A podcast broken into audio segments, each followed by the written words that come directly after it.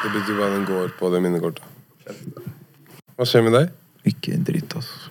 Det er grått ute, er men uh, til den episoden her er ute, så bare vit at jeg skal floode storyen min fordi jeg har reist fra landet, jeg har rømt. Og dratt til favorittbyen min på hele jordkloden. Ingen invitasjon? Dere skal bli drittlei av meg, mor og far. Jeg skal spamme Insta. Sånn som jeg gjorde med Karpe-greiene? Ti ganger verre. Ti ganger verre, fordi det er Fashion Week denne uka. Skal hjem igjen. Home sweet home. Det er synd at jeg ikke har fått invitasjon. altså. Det er ikke noe invitasjon. Det er Enten henger du deg på, eller så Hva er det med han Where's My Hug-shortingen her, Olla? Hva sa du? Hva er det med han Where's My Hug-shortingen der, Olla? Where's my hug, Du bare svartingen? kjøp billett hvis du vil være med. Where's my hug? Hvor er invitasjonen min? Noen må jo få hjulene til å rulle mens sjefen er borte. Wow. Der, ja. Du drar den, ja. Bro, jeg har ikke reist siden før Jeg korona. unner deg å reise. Jeg har ikke vært noen steder. Har du reist fra deg? Jo, du har vært i Barca. Jeg var i Barca nå sommer. Men Du, det var, det var tre år siden. siden. Jeg har ikke reist siden 2018, bro. Ja, det, har ikke vært noen steder. En Så jeg gleder meg skikkelig. altså. Har du reist? Nei. Du har ikke vært noen steder? Milano for to år siden, tror jeg. Ja, men jeg har ikke vært der. Jeg har ikke, ikke på to år engang. Det er fire år siden nå. Det er ikke vits å spørre Tobias om han har reist en gang. Nei, for jeg vet. Jeg vet Tobias ikke. 2017 var et godt år. Hva, når var dere i Barca? 2017. 2017. Jeg var, i, jeg var i London 2019 med Hiwa som på Assassination Vacation. Ja, okay. Jeg har aldri vært i Barca. har har vært i Barca Barca. er heftig, altså. Alle har vært i, vi må dra dit. Du er veldig glad i Barca. Jeg var, for, første og eneste gangen jeg var i Barca, var med Francisco. Med gjesten som vi har ja, med det var første gangen min òg. Faktisk. Det- det var første 20, Nei, 2007 var det. 07-08, et eller annet sånt. Jeg Det har var vært der første, ti ganger første og eneste eller gangen. Jævlig fin by. Ja, for jeg gleder meg til den turen, ass. Ja, ja. det, ass. Um, ellers så er det Snabba Cash er back. Uff, jeg gleder meg. Har du sett den? Jeg har sett sesong én. Jeg har ikke, Men du har ikke sett den nye nå? jeg har ikke hatt tid til det. Jeg har ikke fullført første episode engang, men jeg er gassed. I går jeg satte meg ned jeg skulle se på den, og så endte jeg opp med å gjøre noe helt annet. Jeg så du la ut noe. story, Ja, Det var akkurat når jeg skulle begynne å se på den, og så så jeg ikke på den. For jeg begynte å gjøre noe annet. Han bare la ut story for at han Ja, men jeg, var, Jeg gjorde meg klar, jeg hadde satt den opp på TV-en og alt, skjønner du, og så bare glemte jeg å se ferdig. Jeg bare jeg tar det en annen gang. Jeg er to episoder inn. Du har to episoder inn. Jeg skal ikke spoile noe, men han nye som er blitt casta, Han han, er bra casta, for han ser ut som han er mental. Ok. Ok. Han minner- Han han minner ser ut som han er mental. området som er den der, Du ser at any given moment, det kan gå left. Faen. Han ser sånn ut. Men uh, jeg har hørt at uh, andre sesong topper første. Og første var ekstrem, ass. Wow. Det, var, det jeg digga med den serien, er liksom Det er så mange serier som er sånn Det er alltid den klassiske. Det tar tre, fire, fem episoder før du kommer liksom inn i det. Men jeg husker når jeg så Snabba Cash, altså de første fem minuttene Jeg var sånn Wow! Hva? Det var liksom rett på. Og skytingen er bra. Det var, det var intenst yeah. fra første fem minuttene. Det var det jeg likte så godt med den serien. Og jævlig bra karakterer. Sånn, Du Ja. merka de har brukt tid på de karakterene. Alle hadde liksom sin spot og skilte seg ut som karakterer i serien. Så det var veldig bra casta, liksom. Så jeg er gass på Snabba Cash. Har du sett det fra henne? Eneren, ja. Ja. ja. Følte du? ja. ja nei, men det er som Jay sier, det er liksom de karakterene som Mm, De shiner som inn. faen. Ja. De, de, de liksom bare eier rollen. Så Salim gjorde en jævlig bra ja, jobb. det er jævlig kult når de liksom bare ja, tar over. Mm. Altså, du tar over scenen, liksom. Ja, ja. Apropos casting, har du vært på casting, Gors? Han er god. Gammel veteran, vet. Dette kan vi. Ligger i blodet. Jeg var der i dag. Du var på casting i dag? Jeg var på casting i dag. Er det ikke nok med at du driver og brenner opp YouTube-gatene med wavecheck og er med på På ekte podcast? Du skal ta over skuespillerbransjen nå? Jeg prøver å Hva er det du ikke kan? Jeg prøver å spare med brutter'n her. Ikke sant? Du prøver å bli som Tobias? Følge fotspor. Jeg fikk en uh, melding, kjære til Mike, for å ha delt uh, wavecheck. Så Mike delte wavecheck på storyen sin, og så var det um, et castingbyrå som så meg der. Og så sa de fra til han at kan vi få tak i han her? Og så sendte de meg melding og mail og alt sånt der. Vi vil ha deg med på en uh, Viaplay-serie. Så tenkte jeg ok. Via Play-serie. Ja, så jeg ble sånn Jeg fikk tempo først, men jeg tenkte ja, jeg må bare gjøre det. Uh, Det var på torsdag, og så skulle jeg reise Nei, onsdag-torsdag. Så skulle jeg reise til Tromsø med Karpe og gutta her. Så jeg fikk liksom fra torsdag til eh, i dag, som er søndag, på å øve inn de, hele rollene og alt sånt der. Så jeg har bare sittet og lest liksom, når jeg har fått tid. Så når jeg kom dit, så var de veldig sånn Er du klar? Jeg bare Yes. Jeg jeg er ikke klar i det hele tatt. Jeg leste med Tobias på flyet og liksom gjort den tiden jeg har fått til.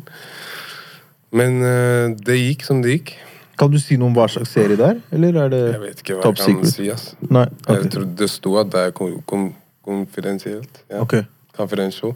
Så jeg var litt sånn Men jeg kom dit, og så var jeg veldig på manus.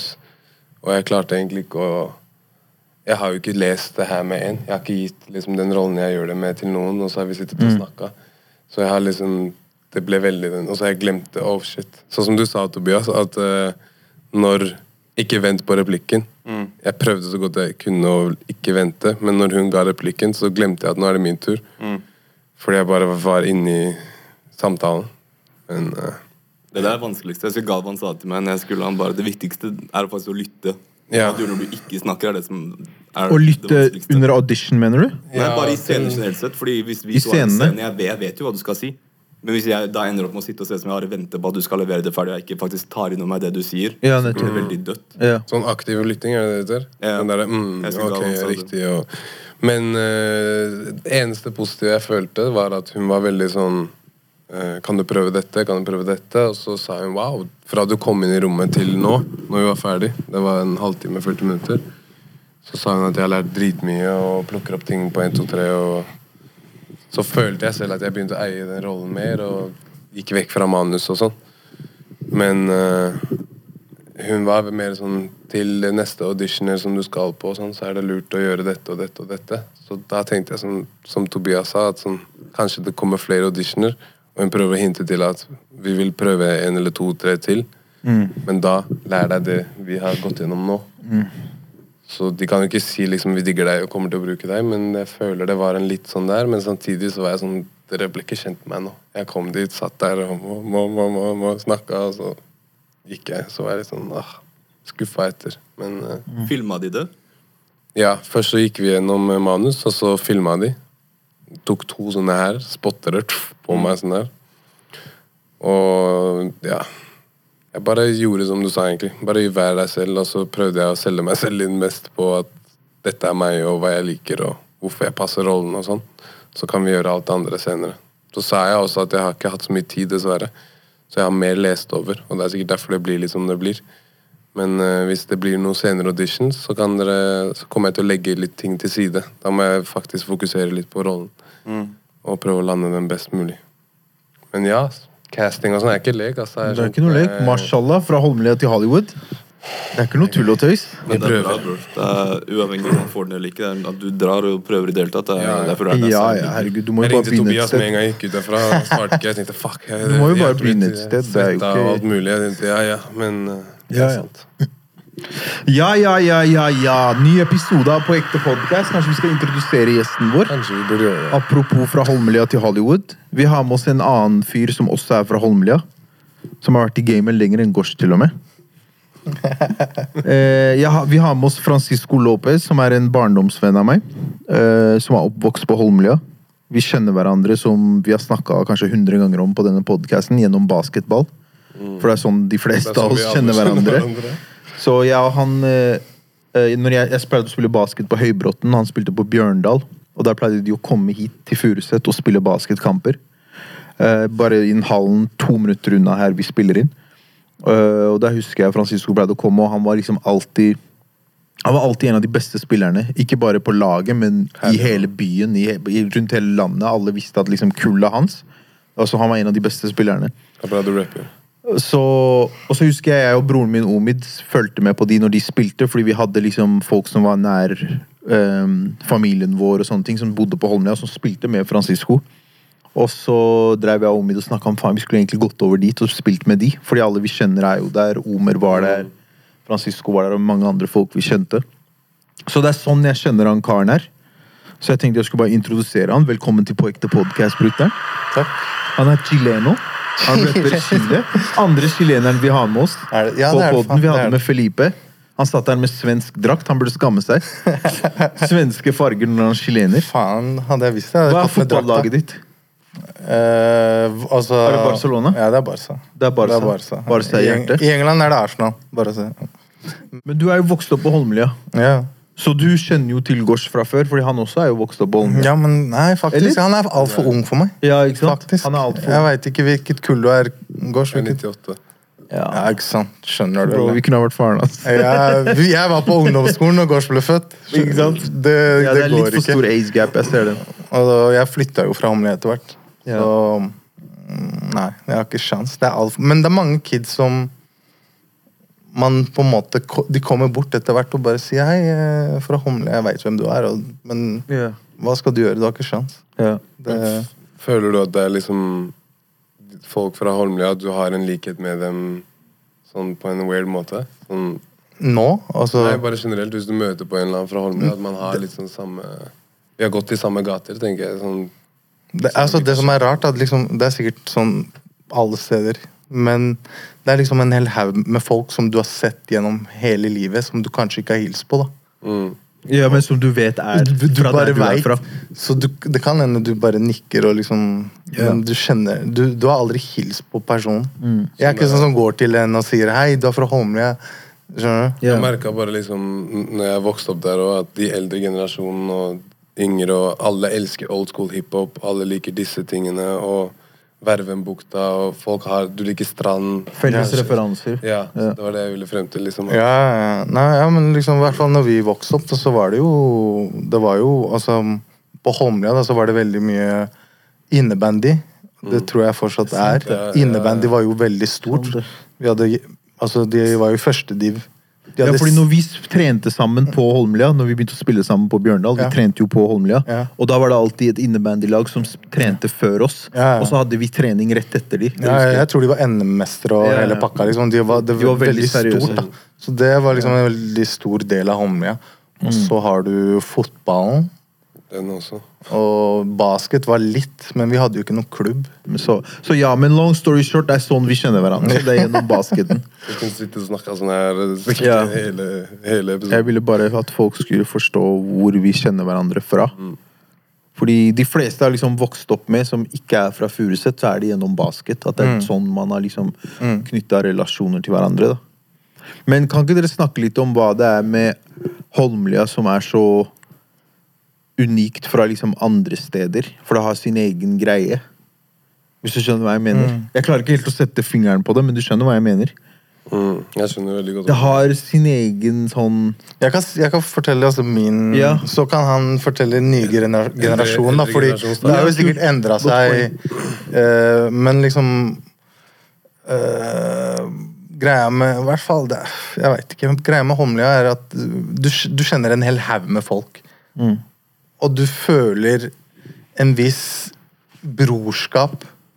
I hvert fall når du f.eks. går på ungdomsskolen. da. Og du, du, du bare får en et, et type forhold til Så det blir sånn brorfølelse, eller fetterfølelse. Det er nesten som en familie, av en eller annen grunn. Jeg veit ikke hvorfor. Bra sagt. Og, og den står igjen til nå, for min del. da. Liksom det Jo eldre du blir, jo mindre kontakt har du med mange venner som du er oppvokst med. Ja, ja. Sånn er livet. Men ser du dem tilfeldig på et sted, da, la oss si et utested eller på veien, så er det nesten som du liksom snakka med dem uh, i går, eller Ja, liksom. Det, du, Selv om du ikke har kontakt, det er liksom det er et eller annet. da. Og jeg tror det har med at eh, Det har med å gjøre liksom at man går gjennom så mye sammen på godt og vondt. Mm. Hvert fall når man går gjennom ting som er vondt. Så knytt, man bygger mye mer community Mm. med folka som er derfra. Det er mer enn bare han der kompisen du skjønner som vokste opp ved siden av deg. Så nå har dere gått gjennom noe mørkt sammen. Mm. Og noe godt sammen. Mm. Så jeg tror liksom Jeg føler alle støtter hverandre. Som hvis Kanskje dere ikke prater så mye på Holmlia, men hvis du møter han på byen eller whatever, så er dere brødre uansett. Mm. Sånn, man blir veldig den der eh, støttende uansett. Mm. Føler jeg, hvis du vet han er derfra. Ja, og samme, la, la oss si fotballgutta. da. Jeg kjenner dem ikke, men det er, de har faktisk noen som spiller, har spilt på landslaget. og du bare hører at de er fra Holmlia, du bare heier på dem Yeah. 100 liksom. Bare, jeg vil at han skal gjøre det dritbra. Og det er liksom Du er bare stolt av det stedet du er fra, liksom. Ja, ja. Så det er Ja. Nei, jeg veit ikke. Det er liksom Hva, så hva vil du si er forskjellen? For han sa det at liksom for hans generasjon så er det sånn, men hvordan var det for din generasjon, Gors? Er det samme? Jeg føler, eller? også, jeg, jeg føler også de fleste fra Holmlia har en veldig sånn Fra jeg, jeg flytta dit når jeg gikk i fjerde klasse. Og da var det veldig sånn Han er eldre, eldre, eldre gutta. Ditt og datt. Det var veldig stor respekt i, i Holmlia generelt. Og at det er jo de som setter standarden. Så yngre gutta blir som eldre gutta. Så det miljøet har alltid Jeg tror det er sånn det har bare gått i sirkler. Men jeg pleide å si en ting også til liksom Jeg pleide å spørre folk som føler dere også det. Eh, Men jeg føler liksom du tar toget fra Oslo til Holmlia, så er det masse fjell. Men Holmlia er liksom en liten landsby, så du kommer med toget Ja, ja, ja, inn. Og så blir det veldig sånn derre Går du over det ene fjellet, så er du på Prinsdal. Og når jeg vokste opp der, så er det fullt av pakistanere på Prinsdal. Mm. Så der er du pakistanerlandsbyen. Går du opp fjellet igjen fra Prinsdal, så har du alle nordmennene der. Kommer du tilbake til Holmlia, så er det liksom Du kan gå ned til stranda. Og det er liksom det vår lille landsby føles det som. Og jeg tror det blir den der at når du tar toget til en plass Alle som var fra Oslo, var vel liksom 'Bro, må jeg ta toget til deg? Hva skjer?' Sånn, 'Velkommen til landsbyen min'. Ja, ja, for det er sånn litt utafor. Det er ikke så langt, men du føler som du, tog, du drar på en sånn liten reise, for det er så mye skog og mark Ja, og og du ser utsikten og når du tar toget, og så kommer spesielt. du dit, og så går du så ser, ser du bare utlendinger. Så er det sånn What? Ja. Hvilken land Omringet av skog og mark. Ja. Det er sånn herre, hva skjer? Og ikke bare det, det blir veldig sånn Mamma var veldig sånn så lenge du Det var en alder du kunne holde deg på tunet. Og så kom du til en alder hvor du kan bare gå fritt. Du vet at du skal ikke Som jeg pleide å tulle med folk fra Groruddalen og si at de, dere har vokst opp i en motorvei med, med industri, bro. Det er bare mye eksos i lufta som forstyrrer dere litt. Ja, det Det er er, sånn jeg føler der vi har den der det er ikke noe særlig trafikk i midten, da. Du, skal ikke, du kan ikke gå noe sted og plutselig bli påkjørt. Nei, nei, nei, det er veldig sånn lukka. Du, liksom, trafikken går liksom rundt, da. Mm. Og så har du liksom midten, Lusekjernen, alt der. Hvor, det blir liksom midten av Holmlia.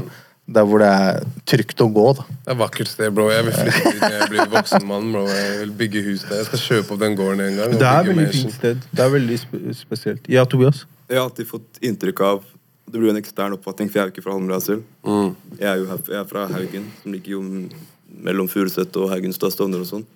Eh, Men jeg husker alltid, da jeg var yngre, fikk jeg alltid inntrykk av at som dere sier, at siden Holmlia er, det er liksom en egen landsby, og den er så, i Groruddalen så har du mye. ikke sant? Du har Ammerud, Stovner, Vestli, Furuset, alt det der.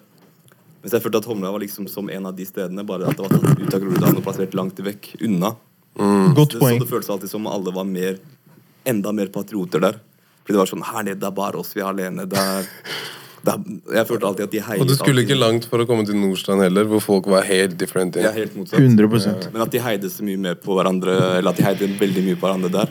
Men jeg lurte på, siden dere er jo Dere er jo nesten to forskjellige generasjoner, og du har også en lillebror som vokser opp på Holmlia nå.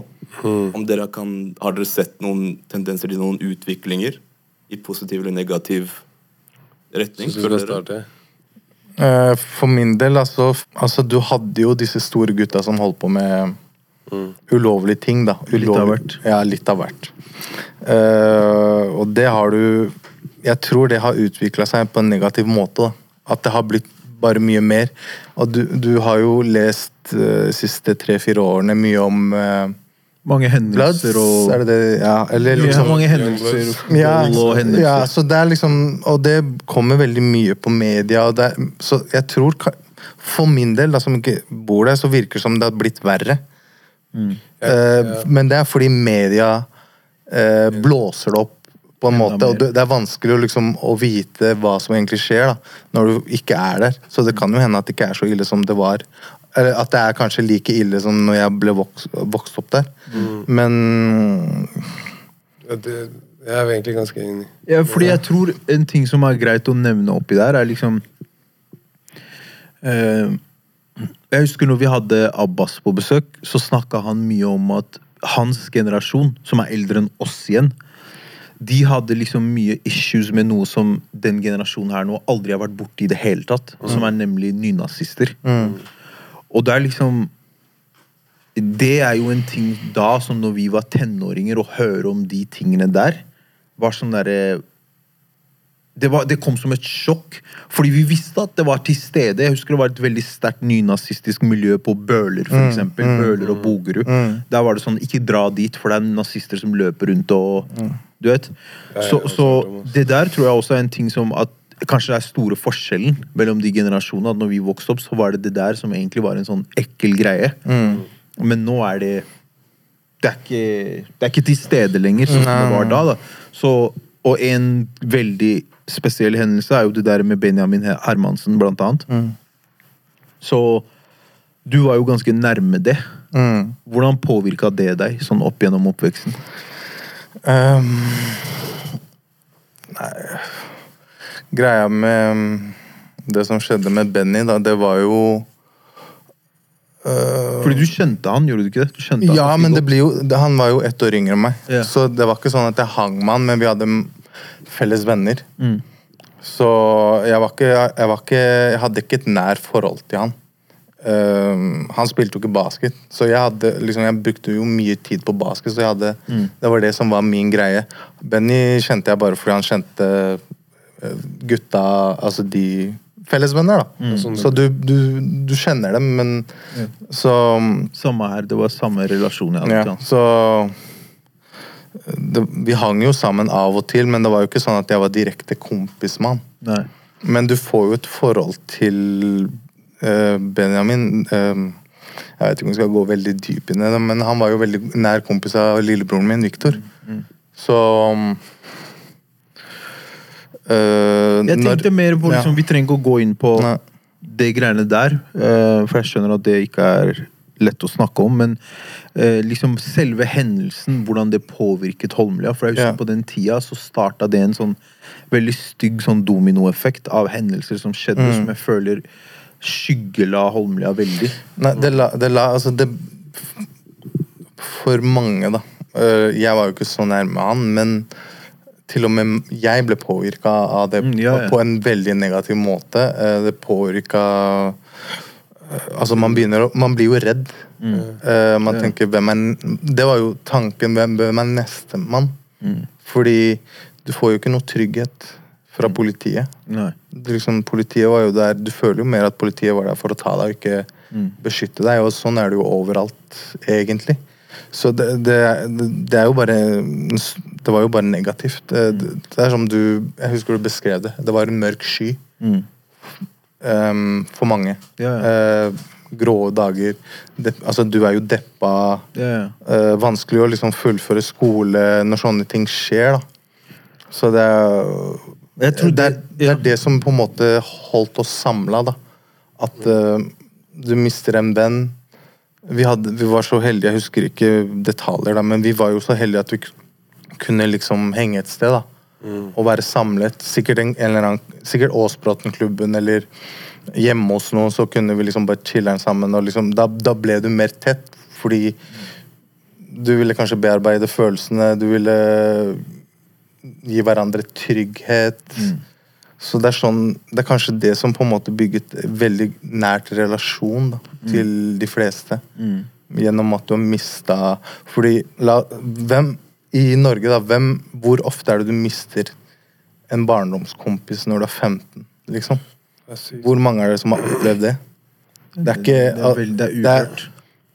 Det er uhørt. I hvert fall på den tiden. Yeah. Eh, Det har jo skjedd mye tragedier etter det òg, da. Ja, ja. Men det er liksom Det er ikke, det er ikke noe som skjer til, eh, til daglig, på en måte. Så det Ja, Men- fordi det, det Jeg husker liksom det var flere hendelser som skjedde, liksom um, Uten å nevne navn, for jeg vet ikke om det er riktig å gjøre, men det var bare jeg, Når dere snakka om det der med liksom familie og brorskap og Holmlia, så er det det her jeg har i bakhodet. fordi selv om jeg ikke var derfra, så tilbrakte jeg mye tid der, og spesielt etter det som skjedde i familien din også, så er det sånn Så man er berørt av det.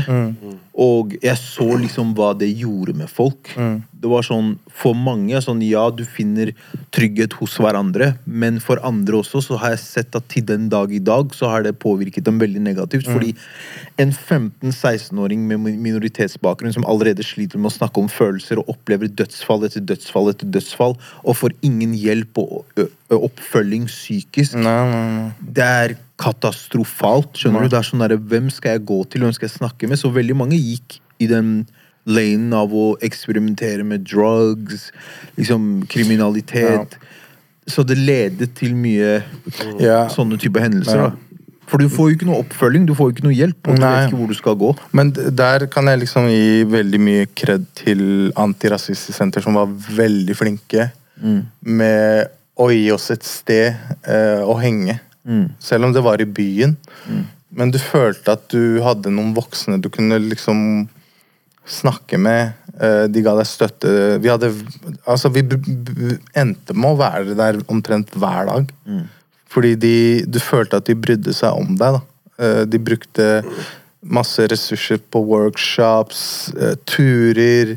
Så, så vi fikk en, på en måte en escape der, da. Um, vi hadde også, så hadde vi også Snakka vi jo mye om nynazisme og alt det der. liksom Hvorfor det er, og, liksom hvordan de fungerer. Vi hadde en sånn kar som het Thor Bakke eller noe. Han var helt sinnssyk. Han, han gikk jo undercover og hang i miljøet. Så, I nynazismen? ja. Wow. Han var norsk, liksom. Han, han var Wow. skinhead, gikk med boots, og han liksom Han fortalte oss sinnssyke historier, liksom. Så sånne ting satt Og han tok med oss til skauen.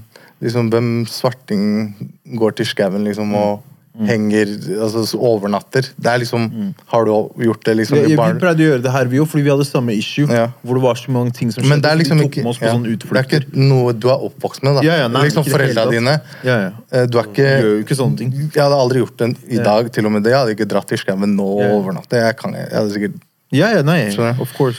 det ligger ikke i genene. Men det er kult at man hadde de Antirasistiske sentre har jo jobbet i mange år og har gjort veldig mye bra arbeid. Ja. Så jeg, jeg tenkte ikke på det i det hele tatt. Det er et veldig godt poeng. Nei, ja, og, Marit ble jo innblanda med Benjamin-fondet, så det, vi fikk mye hjelp gjennom dem, faktisk. Det, Det er sykt også hvordan eh, Ja, Tobias. Kjør først. Um, føler dere at det som skjedde med Benjamin, var noe av grunnen til at Holmlia ble så sammensveiset? Jeg ble veldig sånn Når, jeg, når vi flytta dit i fjerde klasse, så satt jeg Selv da var det masse snakk blant unge om at du må passe på, liksom, og at eh, Benjamin Du ser jo skulpturen når du går forbi, og jeg het Benjamin til mellomnavn og var lightskin og hørte at Å ja, han var bare Han var halvt norsk, og han ble fortsatt drept, så man fikk mye sånn prat om at det kan skje hvem som helst. Og som du sa, at Hvem er neste var fortsatt der så mange år etterpå. Og jeg spilte for Bøhler en gang, og så var det en fyr der som liksom snakka masse om det miljøet. Så man, vi har også hele tiden liksom visst om det her og tenkt de tankene, men litt tilbake til det du nevnte om at du vet ikke helt hvordan det er nå pga. media. Og det tror jeg mange på Holmlia, og annet moren min nå, som blir veldig provosert av hvordan media bygger det. Fordi det var en tid hvor de fengsla veldig mange av liksom den eldre generasjonen. Og så for at de skal få en verre straff, så la de på Young Bloods, gjengmiljø, og da kan de bli liksom stempla for gjengkriminalitet og få større dommer og alt det her. Sånn, og hvis jeg kan bare få lov til å si en ting, vi trenger ikke å bli på det her lenger, jeg vil bare nevne det. At lillebroren din var en av de menneskene som var veldig en leder og sto frem i det samholdet. Han var faktisk en person som fikk med seg folk og brakte folk sammen. Han sto og holdt taler. Han, you know, jeg vil ikke gå for mye nei, men jeg setter pris på å høre Ja, det, så det gjør meg ingenting. Han, han var sånn Og han var tre år yngre enn meg. To år Han, yngre var- enn nei, han samme 85. Var han 85? Han var 15. Ok, han var, men han var, han var litt mindre enn meg, så yeah. jeg følte at han kanskje var litt yeah. Men jeg så opp til han. Han var en leder, bro. Han pleide å lage sånne der marches og samle folk og snakket ut. Han holdt taler. Han var så forut sin tid og liksom kjempet for rettighetene til menneskene i samfunnet han bodde i. Han slåss for dem literally som 16-åring. 15-åring. 15-åring. som 15-åring. Hvem- Hvilken 15-åring gjør det? greia er, det, det som er litt morsomt med det, morsomt da um, um, Fordi vi drev og snakka litt, og så han var jo dritsur fordi det var ingen som sto fram. Skjønner du? Det var ingen som snakka, ingen som ville si noen ord om Benjamin. eller alle, liksom De fleste er jo barn, skjønner du, så du er i sjokk. Så det var greia som trigga han. da. Han bare Benjamin fortjener å bli snakket om. Og det var det som liksom fikk han til å liksom holde taler og liksom øh, Mange fikk inntrykk av at han ville bare bli kjent, skjønner du? Men det var jo ikke det som var greia. Ja, for det var nyhetsoppslag og presse og sånn. ja, så det var liksom Han følte Ingen snakker, jeg må snakke for Benjamin. 100%. Fordi han fortjener det. Han fortjener liksom å bli snakket om. Eh, Folk må vite om han. Så det var liksom det som trigga han til å prate.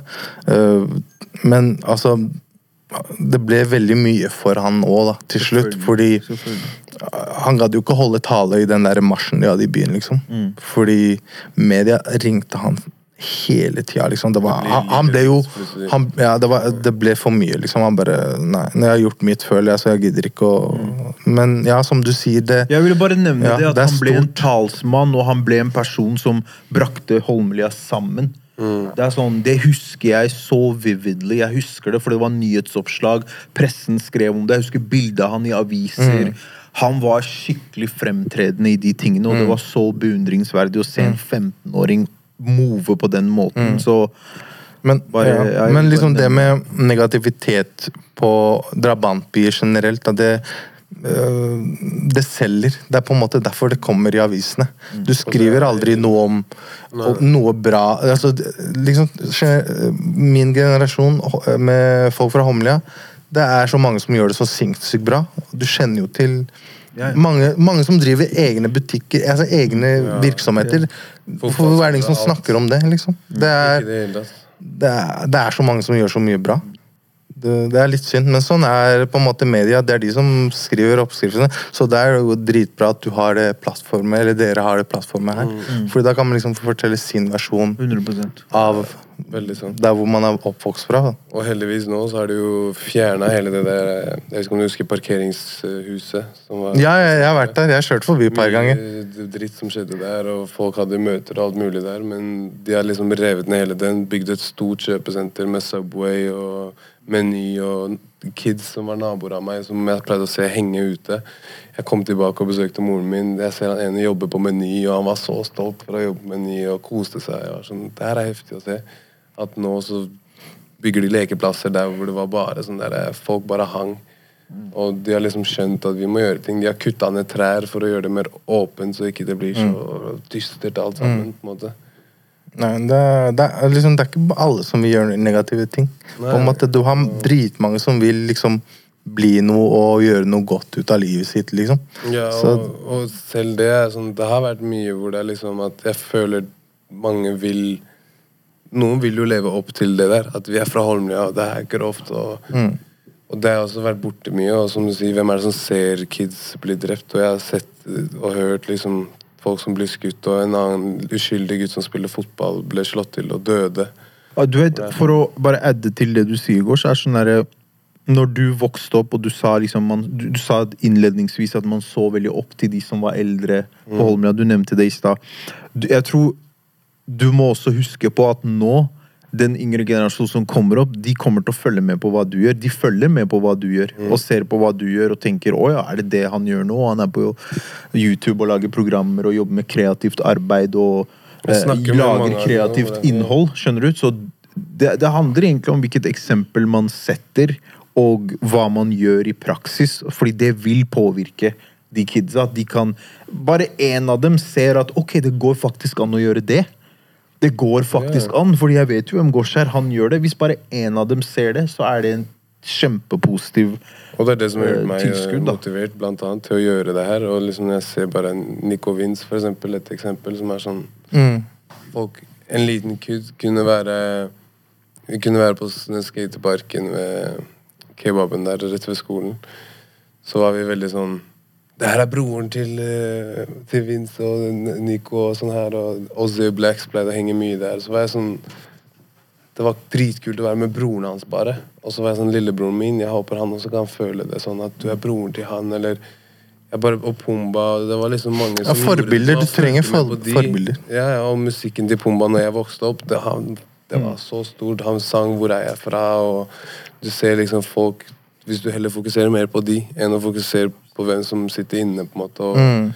de overskriftene over at folk er gangstere, så får Mm. du en mye mer drivkraft. Og når jeg spilte med Fittim, Ahmed, og jeg var sju år jeg ble liksom, Det var det punktet hvor jeg var sånn dere gjør fortsatt det her, ja. Og dere kommer hjem til Holmlia for å prøve å få oss til BLNO. Det var sånn Ja. Mye, mye motivasjon og flammer, føler jeg bare. Av å være derfra og se folk derfra. Ja, da. Jeg tror Hiwa har lyst til å skyte inn noe. Jeg bare lurte på Frana, fordi jeg husker jo fra jeg var kid Du har vært hjemme hos oss. Sånn, jeg husker eh, når Jay jobba med Hokid, for eksempel. Dere var på rommet hans og Og jeg vet du er skikkelig Topak-fan. Så jeg bare lurte på om du har noen kule stories fra oppveksten deres. Altså ting dere har gjort sammen, liksom. Mm, Når det gjelder Topak, eller når det gjelder bare oppveksten?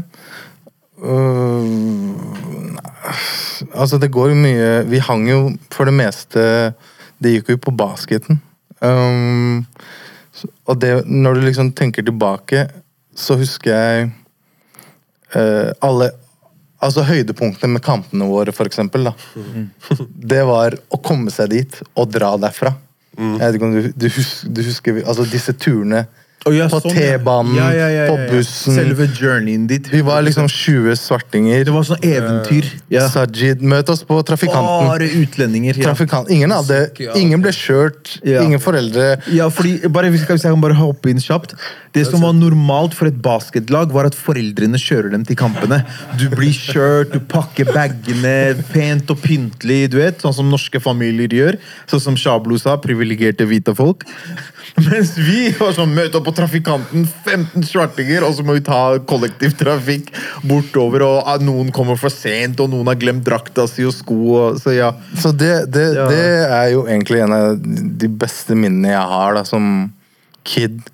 Eh, disse turene vi hadde eh, til kamper, da. fra, ja. Fordi altså ba- Du du kan jo bare s- se det for deg at vi er en 15-20 stykker. Vi tok med kompiser, kompiser ble med som ikke spilte engang, liksom. Vi, vet, vi kjenner til det.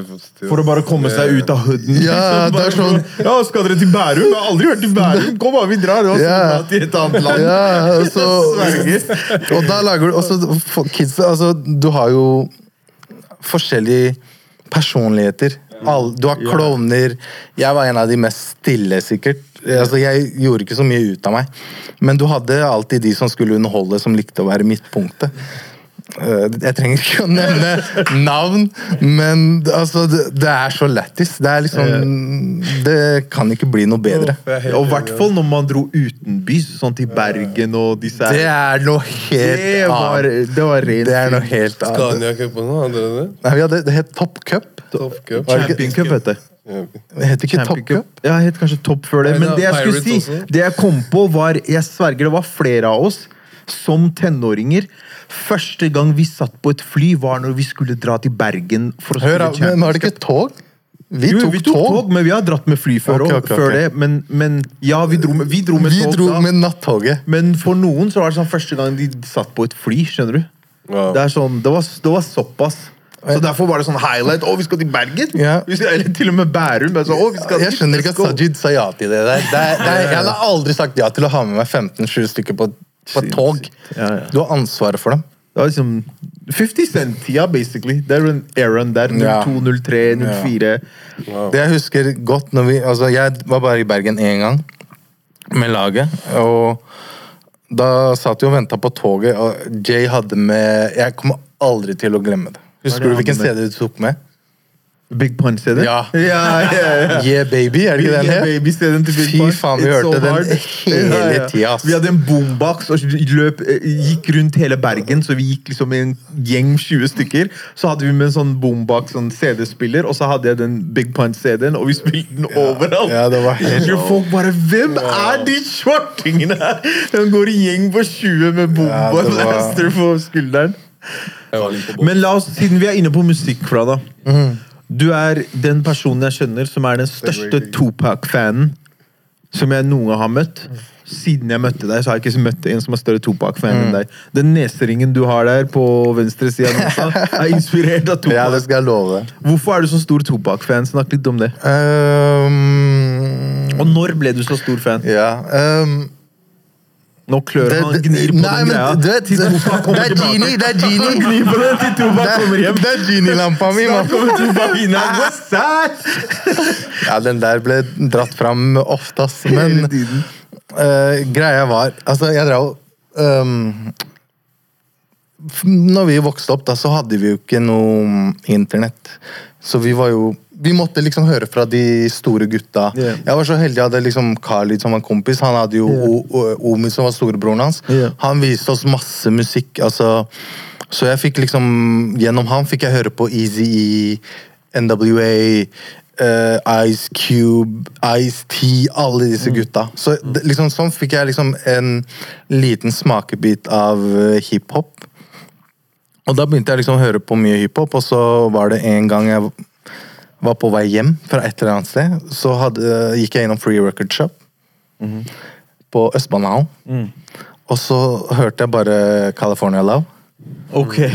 Og det er sånn det Jeg var tolv år, liksom.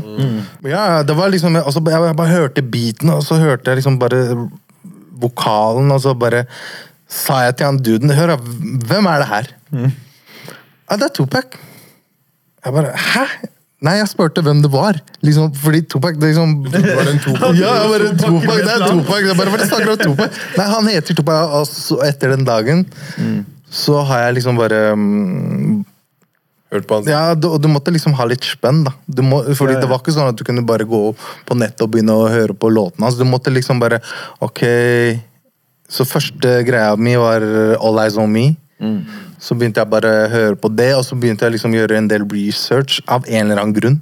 Det var et eller annet som liksom bare trigga meg. Mm. Og så begynte jeg å finne ut at eh, ja, han er aktivist, eh, han liker å prate Altså, han er Han eh, veldig Generelt. Ja, så bare- det var liksom bare Han var Black Panther og alt ja, ja, så alt det der bare wow. Og jeg har alltid vært sånn glad i ehm, mennesker som snakker for de svake, whatever. Liksom, du, du sett, liksom sånn Che Guevara i Latin-Amerika.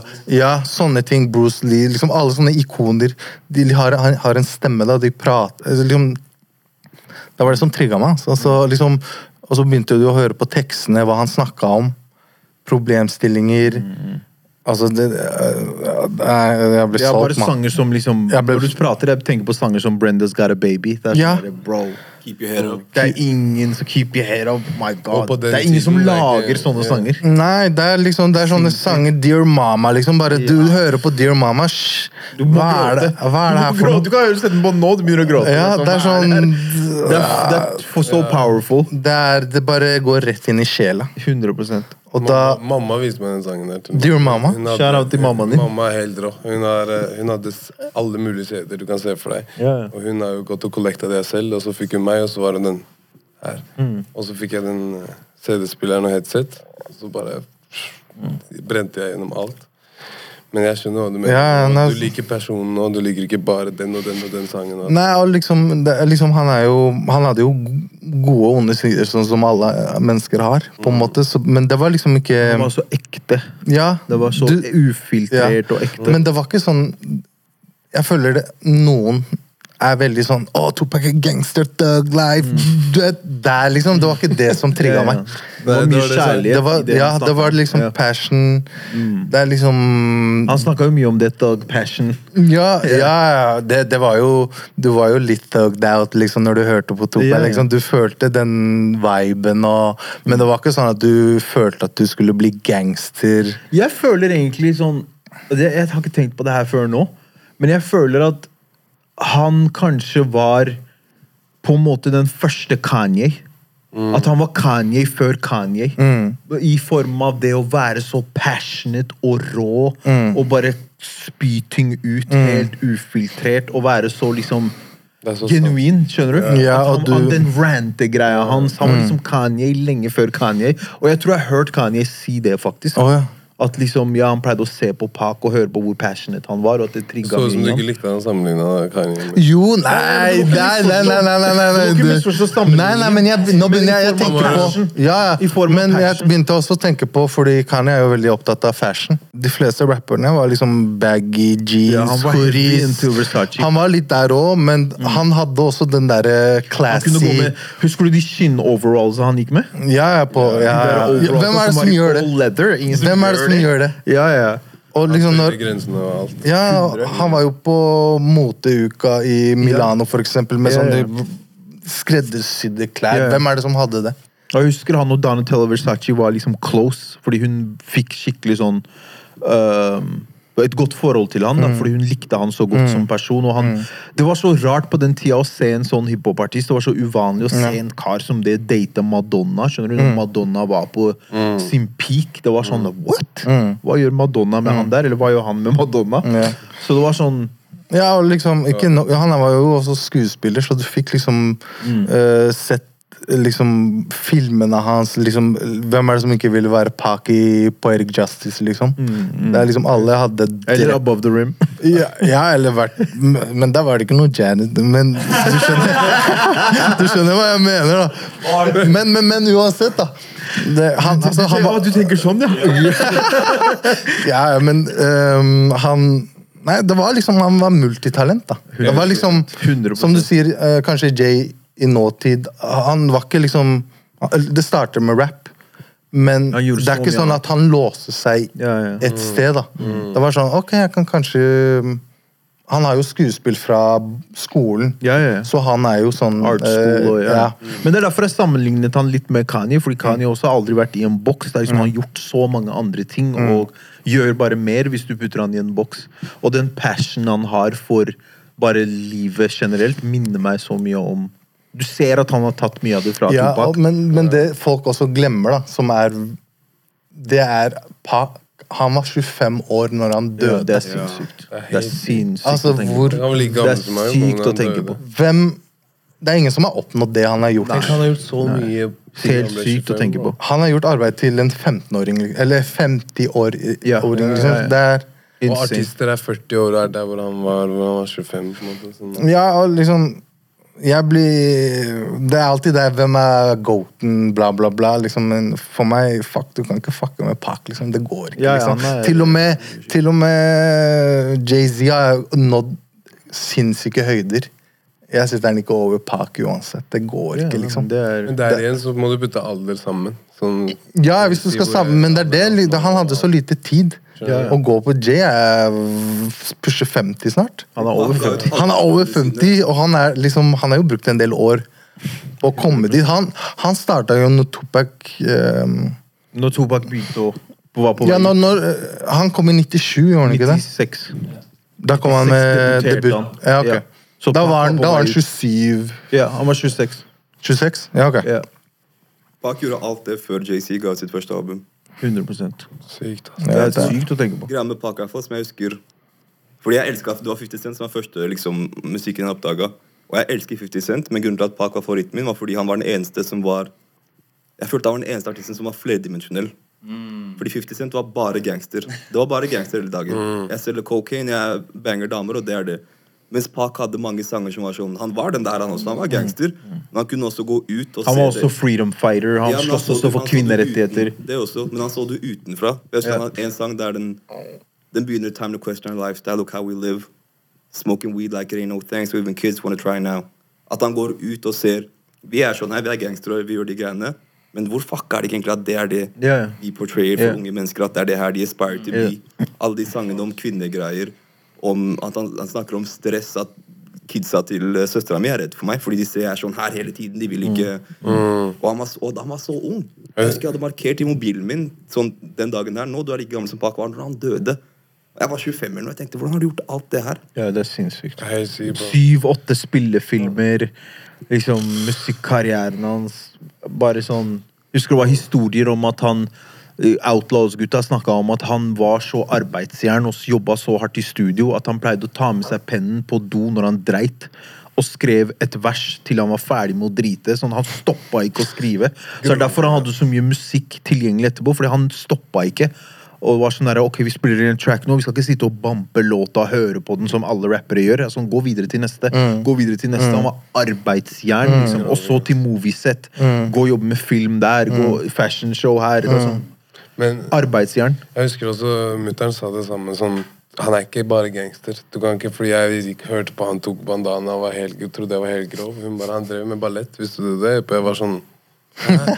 Han som jeg trodde var NG, drev med ballett. Og ok, Men han kom derfra, fra utsiden, flytta inn i hooden, og så ble han hva han ble til.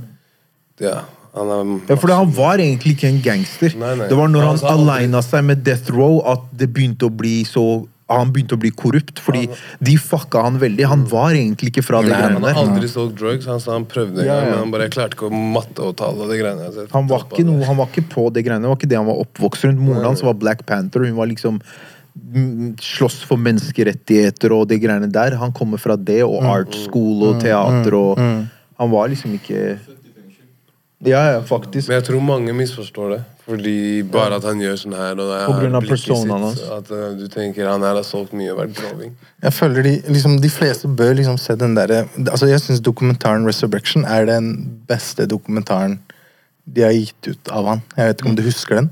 'Resurrection'. Hvor han prater gjennom hele dokumentaren om seg selv. Så det blir at han liksom storyteller sin historie. Jeg kan ikke huske Husker du ikke. 'Resurrection'? Mulig hvis, hvis jeg ser den. Ja, litt sånn gul-oransje bakgrunn. Ok. Den er helt sinnssyk. Det, er- husker du ikke, I den perioden så kom det he- så mye dårlige dokumentarer om han. Ja, ja. Det var liksom Alle skulle, Alle skulle lage- alle skulle Og det er så slitsomt å Ja. folk ja. pumpedokumentarer eh. Men den dokumentaren var sinnssyk. Mm. Jeg, jeg bare synes det er så interesting alt det dere prater om nå, som Tobias tok opp med hvor nuanced han er. Fordi jeg føler det er det som gjør han menneskelig og relatable. Fordi du tenker alle de som kjører den der straight G, badmash-greia.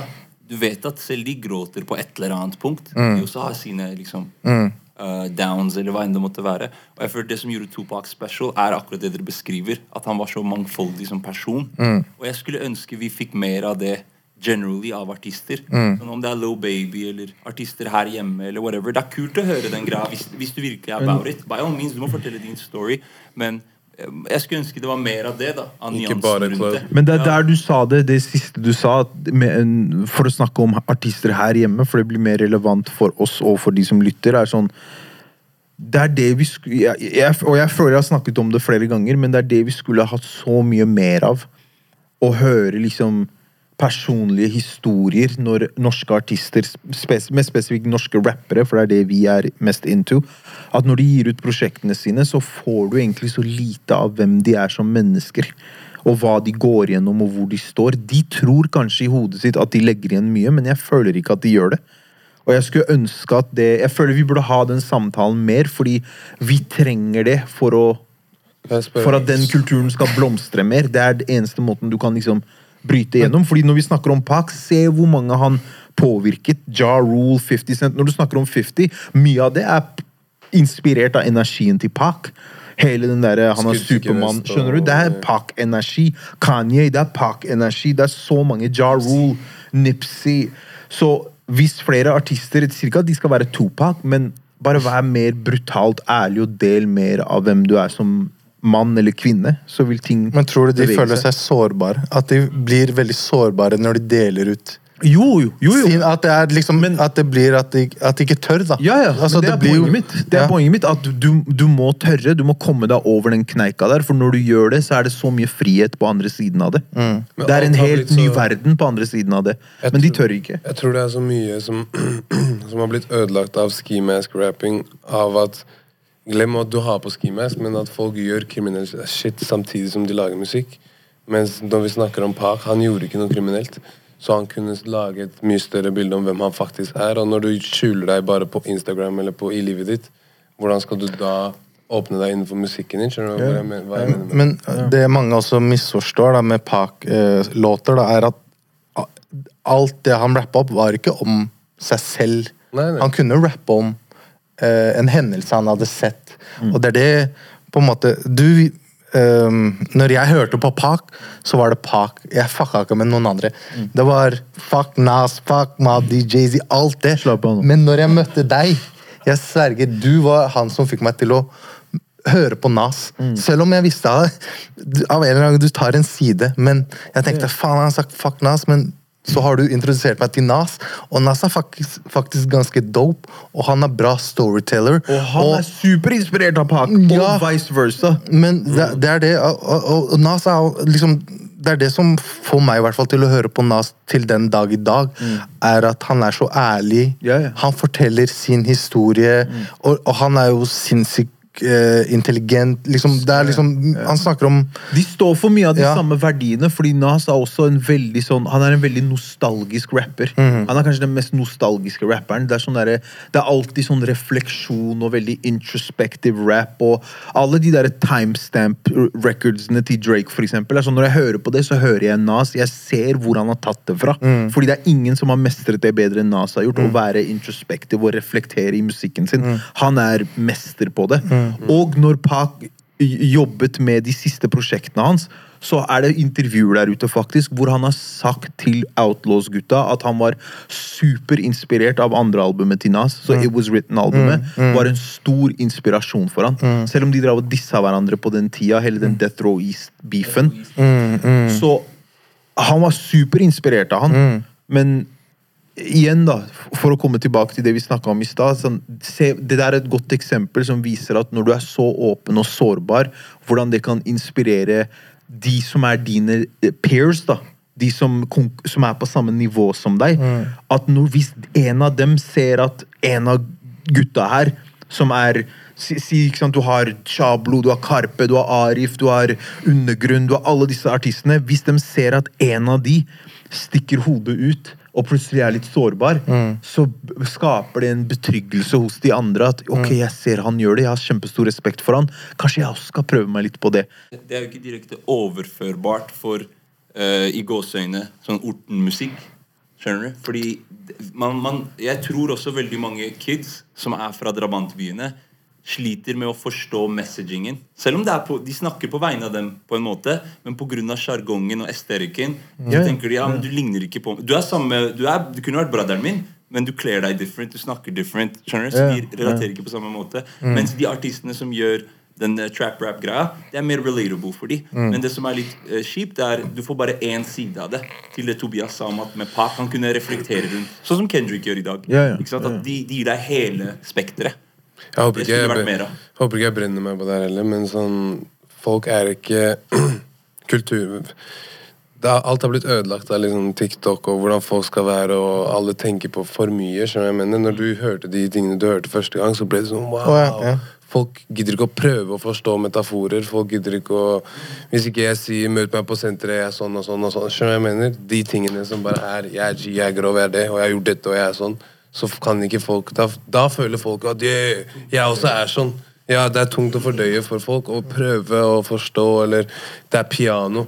En solo med piano, så blir det teit. Mm. Det, og det skal så litt til før du faller av det. Jeg skjønner hva du sier, men jeg føler også at jeg ser på det sånn at når ting er sånn, som er riktig det du sier, det er one way, så blir det også mye synligere når noen faktisk stikker hodet sitt ut og gjør noe annet. Da ser du det. Det blir sånn derre Hei, hva skjer her nå? Til this day, Det er fortsatt dritmange dope rap nå, Det er USA, da, men det er så mange dope rappere. Men du må bare finne de. Ja. Men som Gosh sier, det er oversaturated. Det er altfor mye musikk der ute. Mm. Så du kommer ikke til det.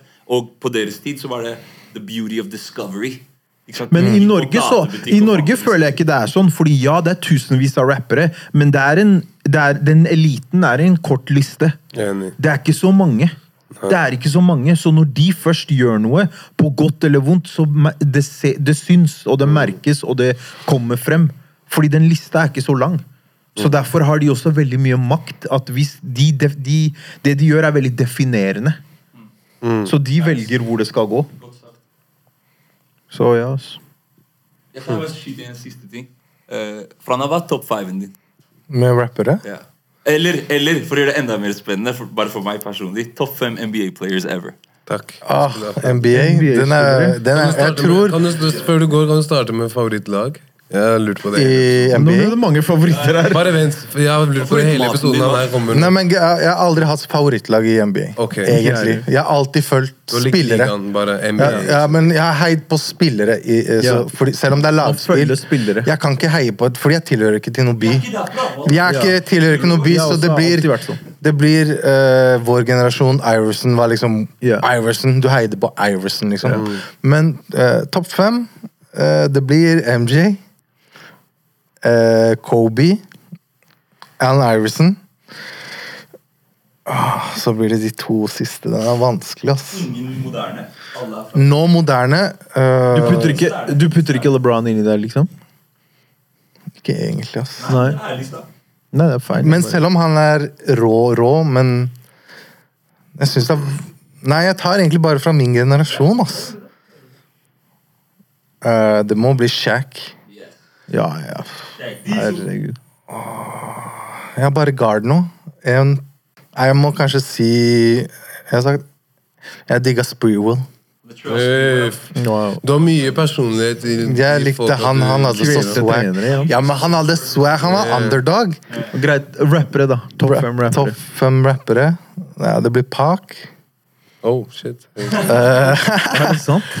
Ehm, det må bli Nas.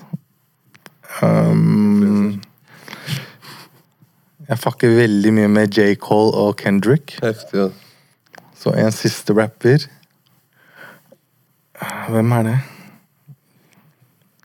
Du vil ikke putte Biggie der, eller? Nei, fordi Biggie var fienden din til Park. Jeg syns Biggie er rå, men jeg, jeg syns det var så lite. Ja, det var lite Ja. musikk. Han hadde ikke den arbeidsmoralen. Nei, han hadde, så det kom han hadde én før han døde, og så et Ja, så dobbelalbum kom det- etter at han døde. Ja, han hadde Så du fikk mye ikke nytet eh, så mye Biggie, selv om han er helt rå. Ja. Ehm, faen, sånn på sparket, det blir vanskelig, ass. Eh, Når du kommer- kanskje de, jeg, jeg tror jeg må putte DMX, ass. DMX er, ja, Ja, DMX ja, Men greia er at når, du, når Park døde, så blir det at du leter etter en erstatter. Og DMX var faktisk den første, den første som ble liksom Ok, jeg kan fucke med DMX. Fordi han hadde litt av det samme. Hva syns hvordan han tørna ut etter hvert? Nei, det får jeg ikke gjort noe med. Altså. Altså, jeg, jeg likte han som rapper. Som person Ja, Jeg kan ikke fucke med det. liksom Det var mye. Du tenker en gang til, din jævla idiot, liksom. Ja. Du må lære, liksom. Jeg, jeg har ikke tenkt på det, faktisk, men det er helt sant. Altså, de mye av det, um, det som jeg fucka med hos Topak. Fordi DMX han er gangster. 100 Han- da, da, da, da. Super emotional. Men ja, han har så, han har så mye ja, med så mye pain og struggle. Han synger Ja, ja. om det. Jeg har alltid tenkt på hvor interessant det hadde vært å høre for eksempel 50 Cent gjøre noe sånt. For han også har loads of struggle, men det blir alltid bare presentert på en tøff, overfladisk måte. Det blir ikke, det blir ikke noe dybde på det. DMX hadde dybde på det. Yeah. På? Fucka dere med Ken Ring? Det blir egentlig bare deg, Jay. Det var der jeg begynte å gå inn i svensk. Ja, men før det, da. Før det. Kendrick Nei, Ken Ring sorry, ehm, Kendrick. hadde mye av det samme som Park, faktisk. Han fortalte historier. Han var veldig sånn Fortalte om dype ting. Så han eh, Hvis ikke dere har hørt på han, så dere hørt. bør høre på han. Det var han Faktisk. som introduserte- I hvert fall de to første albumene hans. De var Men svenske rappere har alltid vært flinke. ja. Han kom jo på Han kom jo på Holmlia når vi hadde sånn der um, minnekonsert for Ben... Nei.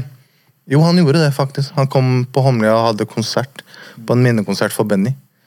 Så det var andre gang han hadde kommet til Homlia. Så det var ganske kult for gutta. Han var jo superstar Ja, for alle gutta. stor på sin tid. Han Så- og Petter. Ja, Petter òg. Det var wow. Det var sinnssyke artister. Jeg så han er på Furuset, bror. Ken Ring, husker jeg. Ja, Block Party, kjære til Skinder. Nei, det er Ken Ring, Altså. husker Og, og Jeg likte hvordan du sa Ken Ring. Når du sier det, eh, at han kom til Holmlia og sånn, det var noe av det vi syntes var dritkult. Fordi jeg husker Kalim hørte mye på Kenring. Og, og eh, Rush Poggy, han hørte på Kenring. Ja. Og jeg, liksom, det var sånn jeg fant ut om han. Men så når han kom hit Jeg tenkte, hvem er han sjåføren her? Og så, nei, men Ikke på en negativ måte, men bare sånn, hvem er han? Jeg sa han var interessant. Så opptrer han, men når han var ferdig, han hang med oss i to timer. Vi var små. Han er fra Hooden i Sverige. Ja, jeg. Jeg var hjemme hos han med Abbas. Vi kjørte herfra i en BMW helt til Sverige, hjem til han. Han henta oss. Kødder du? Vi dro hjem til han for å hente beats der- til Hookid mixtape. Han har jo en beat på Hookid mixtapen min. Nei. Siste låta på tapen er produsert av Kan du putte den jævla mixtapen på Spotify? Eller? Vær så snill, da. bro. Det er mye samples. Ja, det. Apropos musikk, eh, vi glemte å nevne Shoutout til Moain og nye prosjektet hans. Nye prosjektet til Moain, 1001 kvelder, er ute nå. Fem nye låter. Jævlig dope. Shoutout til han. Go check it out. Alt er produsert av Pacify. Pacify Ja, litt spennende. spennende. Skjønte du? Skjønte Anna, du? siste, har du noen favoritt-Pak-sanger? Er det noen sanger du går tilbake til igjen og igjen? Hør, jeg hører på Pak nesten Altså, jeg snakka så vidt med Jay om det, men jeg hører på Pak nesten hver dag. Det er helt sjukt. Men um, jeg går mye til uh, de unreleased låtene som aldri kom ut. Som er på Soundcloud og sånn. Eh, Som ikke er på Nei, de er ikke på, nei de er, du har liksom Jeg vet ikke om du har hørt på for eksempel Homies Homies. Originalbeat. Helt sinnssyk. Uh, When Thugs Cry. Thugs cry, ja. Sa at du også lagde prosjekt, eh, skoleprosjekt. Nei, det var Pak. Ja, hvilken karakter? Han sa han fikk Å, jeg husker ikke, ass. Jeg var dårlig jeg var dårlig på skolen. Jeg, ass. Ja, jeg ville bare, jeg ville bare samla masse bilder og skrev om han. Og jeg hadde en hel perm om Pak. Sånn som du sikkert hadde om Nas. Nei, nei men det er, det er litt for mange Park-låter, altså. Men uh, Burmia G er også en av de favorittene mine. Og Straight Balling. Nei, Still, still balling, still balling er ekstrem også. nei, men det er mye bra. Men det, ja. Shoutout til Usain Crooks. Dette var en ny episode av På ekte podcast. Hva skal vi kalle den episoden, Argos? Ho- Holmlia Shakur? Kan jeg gi en siste shout-out, bror? Gi en shoutout, Tobias. Faktisk, når vi var i Tromsø, jeg må gi shout-out. Det var tre habberser som på tre separate tidspunkt kom og stoppa meg og bare 'hei, hører på podkasten'. Ja, det var sykt, altså. Og jeg tenkte hva Vent da, tre, tre separate personer som ikke kjente hverandre? Ja, bare tre en gang. Det skjedde tre Jeg gikk ned i gata sånn halv til, skulle til Burger King, og så sa han bare 'unnskyld, se på podkasten'. Det er dritkult, altså. I Tromsø? I Tromsø, bror. Jeg tror han, het hva het han? Eh, eller noe? Han var Det husker jeg ikke, Shout-out til der broren min. Bare, han lurte på om han skulle begynne på skole like. Heftig. Shoutout til dem. Og shout-out til dere som stoppa Kalim, og så er det du som filmer for Waycheck. Tusen takk. Ok, Shout-out til Kash, shoutout til Tobias, shout-out til uh, den ekstremt kjente kameramannen Kalim, som ikke er med oss i dag. Han er opptatt med å være su- superstar. Takk for at du kom, Francisco. Ei, det er en ære. Uh, Jeg vet du hører mye på podden, så det var kult at du Nei, Jeg forventa ikke at dere skulle be meg om å komme noen gang. Helt ærlig. Broren din drev og maste litt om det, men jeg tenkte yeah, yeah, whatever, liksom. Men, og så spør du, og så jeg bare Hva faen er det her for noe? Jeg tenkte, tusen, tusen takk for at du sendte inn eh, birthday greeting. Eh, Ja, ja, han ga meg 30 sekunder, Jay, men uh, Det var, det var, det var litt for kort, melding. Hva faen? Det var hyggelig melding. 30 sekunder? Jeg kunne holdt på i fem minutter, i hvert fall. Neste. Neste uke skal vi holde denne Holmelia-trenden gående. Holmelia er på nakken min om dagen. Ok. Så vi ses igjen. Shout-out til Holmelia. Like, comment og subscribe. Takk til alle som lytter. Det her var en ny episode. Jalla, We out.